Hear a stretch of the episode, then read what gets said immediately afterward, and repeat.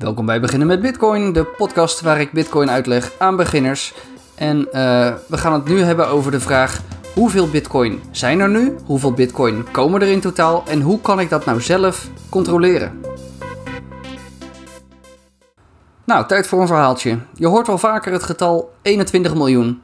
Zeker als je op Twitcoin zit met een aantal bitcoiners, dan uh, gaat het heel vaak over uh, 21 miljoen. En ja, dat is het aantal bitcoin wat, er, wat ze zeggen dat er komt. Er zijn wat kanttekeningen bij te plaatsen, maar het klopt wel uh, ongeveer. Er komen nooit meer dan 21 miljoen bitcoin. Maar hoe, komen die bitcoin, hoe, ja, hoe worden die nieuwe bitcoin nou gecreëerd? Die worden dus gecreëerd samen met nieuwe blokken. Dat gebeurt dus door de miners. En die miners die kunnen dus nieuwe bitcoin creëren. En die nieuwe bitcoin die sturen ze naar zichzelf als ze een blok vinden. En luister naar aflevering 8 als je daar meer informatie over wil. Nou, hoe zit het nou? Elke 210.000 blokken nou, als je dat vermenigvuldigt keer 10 minuten, dan kom je ongeveer op elke 4 jaar. Dus elke 210.000 blokken, dan halveert het aantal nieuwe bitcoin per blok. Momenteel komen er 6,25 bitcoin bij, ieder blok. En ja, dus ieder, iedere 10 minuten, want iedere 10 minuten wordt er een nieuw blok gevonden. Iedere 10 minuten komt er dan 6,25 bitcoin bij. Dat was ooit veel meer per blok. Want de eerste blokken, dus uh, uh, blok 0 tot blok uh, 209.999, dus 210.000 min 1. Toen kregen de miners die kregen 50 bitcoin per blok. Nou, dat is nogal wat. Toen uh, ja, waren we 210.000 blokken verder. En toen van blok 210.000 tot blok 420.000. Dus weer een, een, ja, een tijdspanne van 210.000 blokken. Ja, toen waren het er 25. En nu zijn het er dus 6,25, want we zitten in de vierde ja, reward era, zoals dat heet. Nou, dit blijft doorgaan. Dit gaat nog 34 keer gebeuren, dat halveren, totdat die reward uiteindelijk naar nul gaat. En als we aan het eind van de laatste halvering zijn, dan verdienen de miners alleen nog maar uh, aan de fees van de betalingen en niet meer aan de subsidie die bij het blok komt. En dat betekent dus ook dat er dan geen nieuwe bitcoin meer, meer mogen komen. En op dat moment, op het eind, zijn er in theorie, dat kan je ook zelf uitrekenen, uh, uitrekenen in je Excelletje, dan zijn er maximaal 20 miljoen 999.999,9769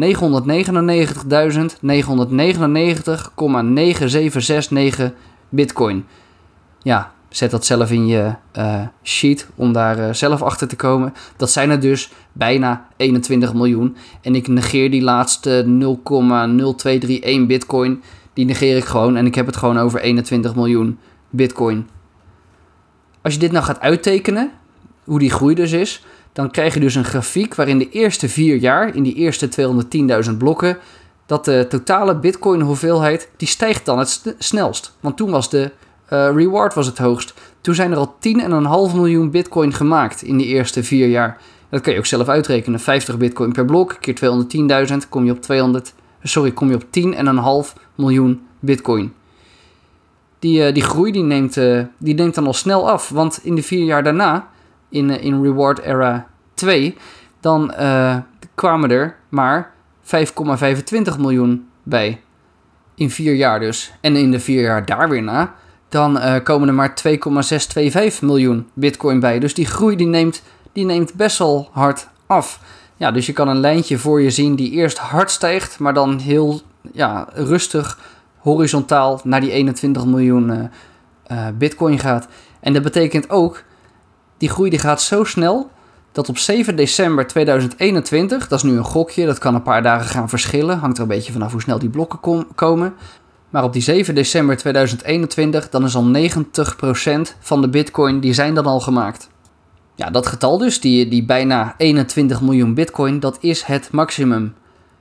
Maar we weten al, dat we daar nooit gaan komen. Dat het, ja, het is echt een maximum. En er zijn gewoon minder bitcoin. En er gaan ook minder dan die 21 miljoen zijn.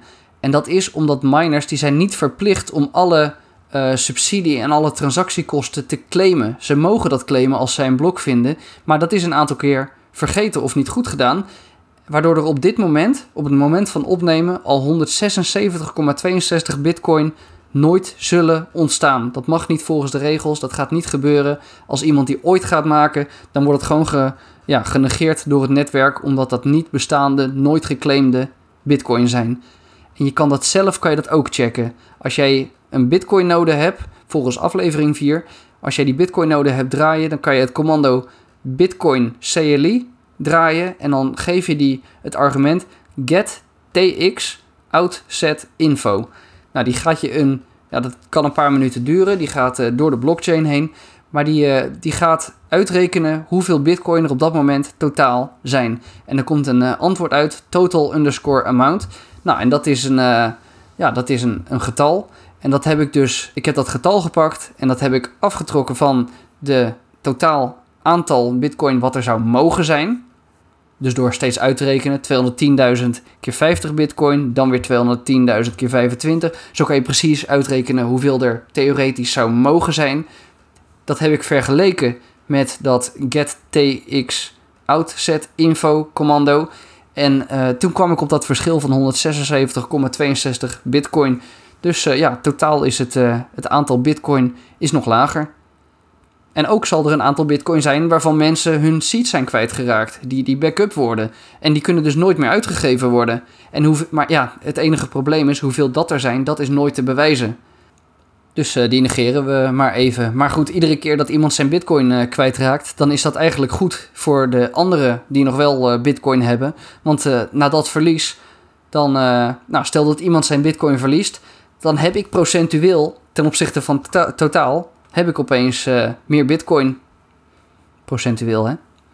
Nou goed, tenslotte, uh, de eerste 50 bitcoin uit blok 0, dat zal door Satoshi Nakamoto gemined zijn, die kunnen door een foutje in de software, kunnen die nooit worden uitgegeven. Dus ja, dat is ook weer winst voor ons als bitcoinbezitters. Dat was het voor deze Q&A. Uh, raad de podcast eens aan aan iemand anders en kom op de Telegram.